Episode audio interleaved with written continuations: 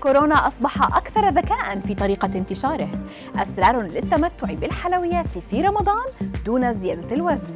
احذروا قلة النوم في رمضان. أبرز أخبار الساعات الأربع والعشرين الماضية في دقيقتين على العربية بودكاست. أكدت كبيرة علماء منظمة الصحة العالمية أن جميع لقاحات كورونا تقريبا تحمي بشكل كبير من الإصابة الشديدة بالمرض حتى إذا حدثت العدوى. بينما حذرت من أن فيروس كورونا أصبح أكثر ذكاء فيما يخص الانتشار خاصة في التجمعات. فمتغيرات الفيروس أكثر وطأة فيما يتعلق بسرعة الانتشار بمعدل مرة ونصف إلى مرتين. فالفيروس يبحث عن الفرص في التجمعات الحاشدة لتصبح بؤرا لعدوى واسعة الانتشار انتشار بعد أشهر أمضاها ملايين الناس حول العالم يعقمون الأسطح والمشتريات. مزيد من الأدلة تنبذ فرضية انتقال فيروس كورونا عبر الأسطح. فقد جمع ستة خبراء من المملكة المتحدة والولايات المتحدة وكندا أدلة على أن الفيروس ينتقل في الغالب عن طريق الهواء وليس القطرات أو الأسطح أو غيرها. ووفقا للدراسة التي نشرت في مجلة لانست الطبية فالأدلة التي تم جمعها حول انتقال العدوى عن طريق الجو ساحقة. بينما الأدلة التي تدعم انتقال القطيرات الكبيرة تكاد تكون معدومة.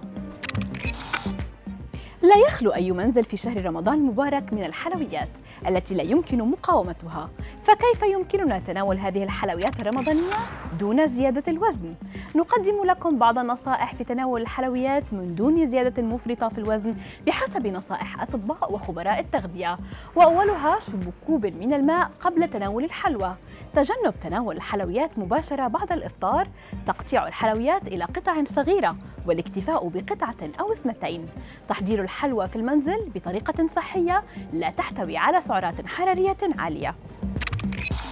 تتغير العادات اليومية للفرد بدخول شهر رمضان ويصبح النوم لساعات أقل سمة مشتركة. وفي هذا الشأن أوصى خبير في طب النوم في مستشفى كليفلاند كلينيك أوهايو في الولايات المتحدة الصائمين بأخذ قسط كاف من النوم خلال شهر رمضان وذلك لدعم الصيام وتعزيز عمل الجهاز المناعي. مضيفا أن الأبحاث أظهرت أن الحرمان من النوم يعرض الاستجابة المناعية للقمع ما يجعل الأفراد أكثر عرضة للإصابة بالعدوى ويستغرقون وقتا أطول للتعافي وهو ما يشكل مشكلة قصوى وسط الجائحة إذ يتعين على البالغين النوم من سبع إلى تسع ساعات يومياً.